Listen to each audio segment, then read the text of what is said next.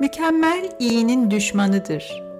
Voltaire'in bu ünlü sözü mükemmeli ararken, mükemmeli beklerken kaybettiklerimizin kısa bir tanımı. Ama mükemmeliyetçiliğin bedeli iyinin kaybıyla sınırlı değil.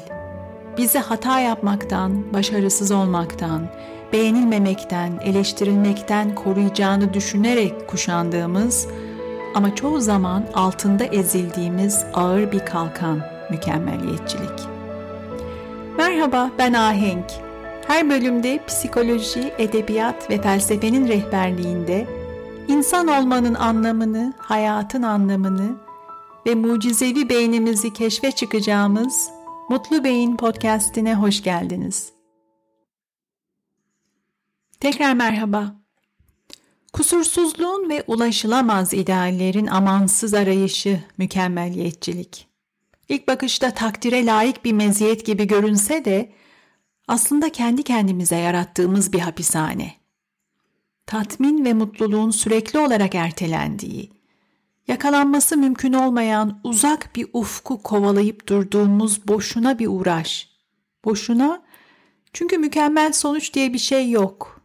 Mükemmel dediğimiz şey, mükemmel diye nitelediğimiz o muğlak şey yalnızca hayalimizde var. Alman filozof Immanuel Kant mutluluk diyor, aklın değil, hayal gücünün idealidir. Mutluluk özü itibariyle herkesin kendi zihninde, kendi hayalinde şekillendirdiği bir hikaye. O hikayeyi kurgularken nasıl mutlu olacağımızı hayal ediyoruz, bizi nelerin mutlu edeceğini. O hikayeyi biz seçiyoruz. Biz karar veriyoruz. Seçtiğimiz yol mükemmele yani imkansıza giden yol olduğundaysa mutluluk da hiçbir zaman ulaşılamayacak bir serap haline geliyor. Şöyle de bir gerçek var. Mükemmelin aldatıcı tasvirleriyle kuşatıldığımız bir çağda yaşıyoruz. Sosyal medya akışlarını dolduran, filtrelenmiş, cilalanmış, idealleştirilmiş yüzler, bedenler, evler, tatiller, yaşam tarzları, görünüşte kusursuz tüm o hayatlar bizi böyle bir mükemmelliğin sadece ulaşılabilir değil, aynı zamanda beklenen bir şey olduğuna inanmaya yöneltiyor. Bu içerikleri tükettikçe kendi kusurlarımızı, hiç de mükemmel olmayan kendi hayatlarımızı daha sert, daha yargılayıcı bir açıdan görmeye başlıyoruz. Sosyal medyanın gösterdiği o mükemmelliğin bir yanılsama olduğunu ve gerçek hayatın bizi insan yapan kusurlarla, kusurlu karmaşık anlarla dolu olduğunu unutuyoruz. Zamanla bilinçaltımızda ulaşması mümkün olmayan, boy ölçüşemeyeceğimiz standartlar beliriyor. Bizi sürekli bir yetersizlik duygusuyla karşı karşıya bırakan bir mutsuzluk döngüsüne kapılıp gidiyoruz. Tabii mükemmelliyetçilik yalnızca modern çağın koşullarına özgü bir durum değil. Aslında insan doğasının bir parçası. Bizi insan yapan temel özelliklerden biri son derece sosyal canlılar oluşumuz. Başkaları tarafından kabul görmeye, beğenilmeye, takdir edilmeye ihtiyaç duyan sosyal canlılarız biz. Çevremizdeki insanlardan, ait olduğumuz, ait olmak istediğimiz topluluklardan, toplumdan, kabul görmeye, onay almaya ihtiyacımız var. İçsel bir dürtü bu. Reddedilmekten, dışlanmaktan, yalnız kalmaktan korkuyoruz. Bu dürtü, bu ihtiyaç hepimizde aynı değil elbette. Mizacımıza göre, içinde büyüdüğümüz çevreye, hayat tecrübelerimize göre farklılıklar gösteriyor. Mesela psikoloji çok talepkar, yargılayıcı, hataların cezayla ve alayla karşılandığı bir ortamda büyüyen kişilerde mükemmeliyetçi eğilimin daha fazla görülebileceğini söylüyor. Dediğim gibi reddedilme korkusu ve onaylanma ihtiyacı hepimizde var ama dozu şaştığında ezici bir yetersizlik algısına dönüşebiliyor bu. Beğenilmek, sevgi ve onay kazanmak için kusursuz olmaya ihtiyaç duyduğumuzda umutsuz bir özlem yaratmış oluyoruz kendimize. Çok sık unuttuğumuz bir şey var. Standartlarımızı biz belirliyoruz. Bir şeyin yeterli olup olmadığına, ne kadar iyi, ne kadar kötü olduğuna karar veren biziz. Neyin kusur, neyin başarısızlık olduğunu da kendimiz için biz tanımlıyoruz. Kısacası kendi yetersizliklerimizin ispatı saydığımız şeyleri kendi zihnimizde biz belirliyoruz. Uymamız gereken standartlar ve yerine getirmemiz gereken beklentiler hakkında kendimize anlattığımız hikayelerin bir ürünü. Mükemmeliyetçilik. Çıtayı aşırı ölçüde yüksek tuttuğumuzda gerçeklik de kaçınılmaz olarak kendi kendimize empoze ettiğimiz ideallerin gerisinde kalıyor. Mükemmeliyetçiliğin yarattığı en yaygın sonuçlardan biri kronik endişe, endişe, kaygı, kendi beklentilerinin gerisinde kalma korkusuyla ortaya çıkan kronik stres, hatalar, kusurlar, aksilikler üzerinde takıntılı bir şekilde tekrar tekrar düşünme alışkanlığı. Yine bu durumun benzer bir başka sonucu zihninde vaktinin çoğunu geçmiş hakkında düşünerek harcamak. Geçmişteki her hata, her kusur ağır bir yük haline geldiği için şimdiki anı, şimdiki anın sunduğu fırsatları görmeyi zorlaştırıyor mükemmeliyetçilik. Geçmişte takılıp kalmanın en temel faydasızlığı çoktan geçip gitmiş olması. Geçmiş, kontrolümüz dışında ve üzerinde hiçbir gücümüz olmayan bir durum. Geçmiş üzerinde tek bir gücümüz var. Geçmiş hakkında nasıl düşüneceğimize karar vermek. Geçmişte olan biten bir şeyi nasıl yorumlayacağımıza, nasıl değerlendireceğimize karar vermek dışında geçmiş üzerinde hiçbir gücümüz, hiçbir kontrolümüz yok. İlginç bir şekilde mükemmelliyetçiliğin kökeninde kontrol edebilme çabası var. Her şeyi kontrol edebilme çabası. Titizlikle planlarsam, defalarca düşünürsem, dönüp dönüp üstünden geçersem işte o zaman hayat kontrolüm altında olur. O zaman hata yapmaktan kurtarırım kendimi. O zaman aksilikleri engellerim. Bu bir yanılsama tabii. Çünkü hayat doğası gereği kaotik, kusurlu ve öngörülemez bir gerçeklik. Bu nafile uğraş hem duygusal olarak ıstıraplı hem de esnekliğe, değişime yer bırakmayan, hayatın hiç durmadan değişen yapısına uyum sağlamayı zorlaştıran bir durum. Mükemmelliyetçilik bu yüzden öncelikle kendine karşı sert ve acımasız olmak demek. Okuduğum makalelerden etkileyici bir cümle kaldı aklımda. Şöyle diyordu. Mükemmelliyetçilik kendini kötüye kullanmaktır. Aslında dönüp baktığımızda mücadele ettiğimiz birçok zorluğun, her gün savaşmak zorunda kaldığımız, hayatımızı güçleştiren birçok sorunun benzer eğilimlerimizden kaynaklandığını göreceğiz. Zihnimizdeki birçok çarpıtma bununla bağlantılı. Ya hep ya hiç yaklaşımı mesela. Aşırı genellemeler, felaket senaryoları. Yetersiz, başarısız, eksik görünme korkusu, özgüven eksikliği. Kendini durmadan hırpalamak. Kendine keyfi kurallar üzerinden değer biçmek. Yalnızca kendinle değil başkalarıyla kurduğun ilişkide de katı ve yargılayıcı olmak. Herkes senin istediğin gibi olsun, senin doğru bildiğin şekilde davransın diye tutturmak mesela. Başkalarını da kontrol etmeye, hizaya getirmeye çalışmak. Kendine sonu olmayan, bitmez tükenmez dertler yaratmak. Bu dertlerden bir başkası, podcast'in geçen bölümünde kısaca söz etmiştim, erteleme alışkanlığı.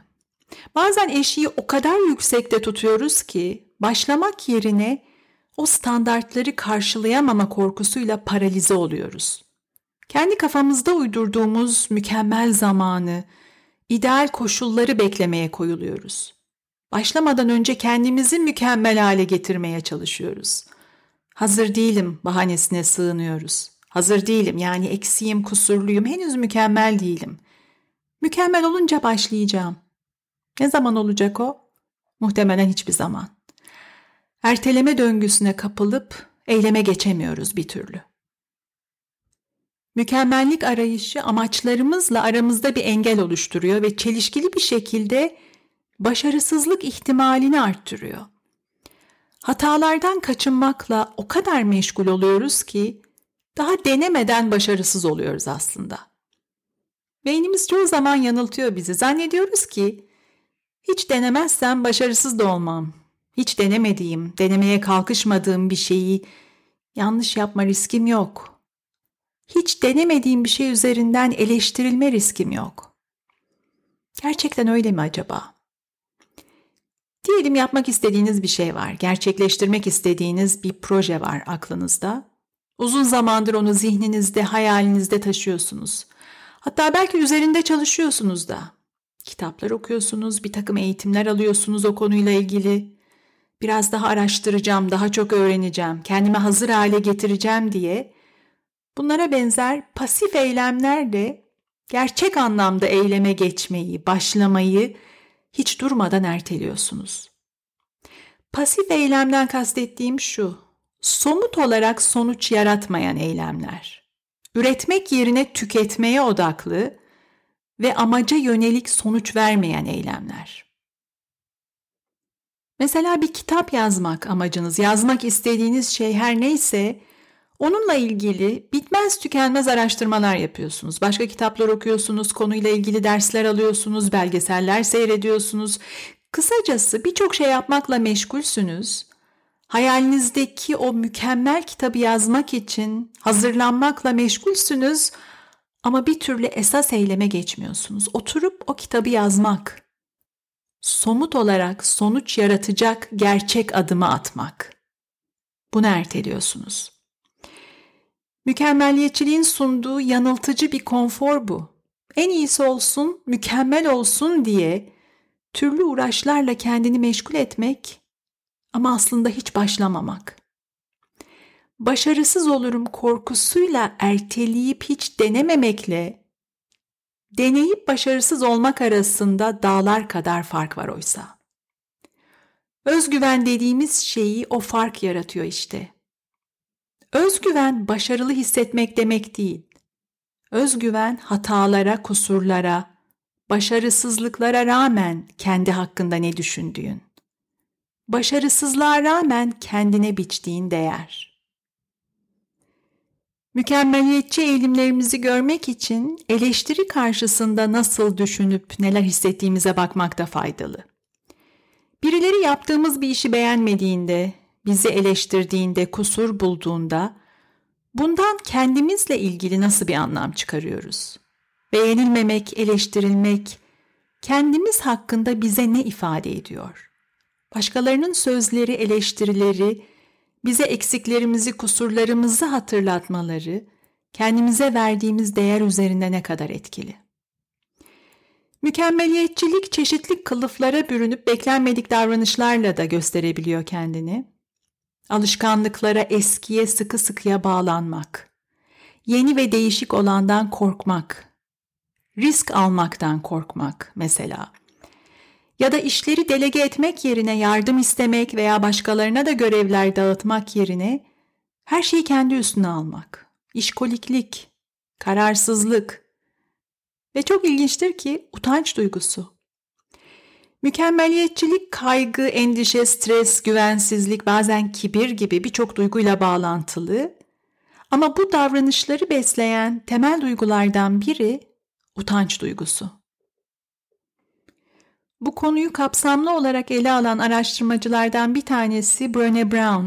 Onu Netflix'teki programlarından tanıyor olabilirsiniz ya da kitaplarını okumuş olabilirsiniz. Mükemmelliyetçiliğin derin bir kırılganlık ve utançtan kaynaklandığını vurguluyor Brown. Bizi yargılanmaktan, eleştirilmekten, mükemmel olamamanın verdiği rahatsız ve zor duygulardan koruyan bir tür savunma mekanizması bu. Bizi tüm bunlardan koruyacağını düşünerek kuşandığımız ama altında ezildiğimiz ağır bir kalkan. Kusurlu olmanın yarattığı utançla ilgili mükemmeliyetçilik. Kusurları saklama arzusuyla ilgili. Utanç saklandıkça güçlenen bir duygu. Karanlıkta, sessizlikte, yalnızlıkta güç kazanıyor. İnsanın tüm dikkatini yalnızca kendine, kendisiyle ilgili düşüncelerini hapseden bir duygu utanç. İnsanı yalnızlaştıran bir duygu. Bu yüzden bizi utandıran, bizde utanç yaratan şeyler hakkında açık açık konuşmak zor geliyor. Utanç duygusunun özünde olduğu gibi mükemmelliyetçilikte de yalnızca kendimizle meşgulüz. yetersizlik korkusu ve onaylanma arzusuyla yalnızca kendi performansımızla meşgulüz. Bu yüzden mükemmelliyetçiliğin bir panzehri dikkatimizi bir parça kendimizden koparıp dışarıya yöneltmek. Bunu nasıl başarabiliriz? Mükemmeliyetçi eğilimleri azaltmak için yapabileceğimiz başka neler var? Tüm bunları önümüzdeki hafta bir sonraki bölümde ele alacağım. Hata yapmaktan korkmayacağınız bir hafta diliyorum size. Yeni bölümleri kaçırmamak için Mutlu Beyni takibi alın. Her pazartesi görüşmek üzere.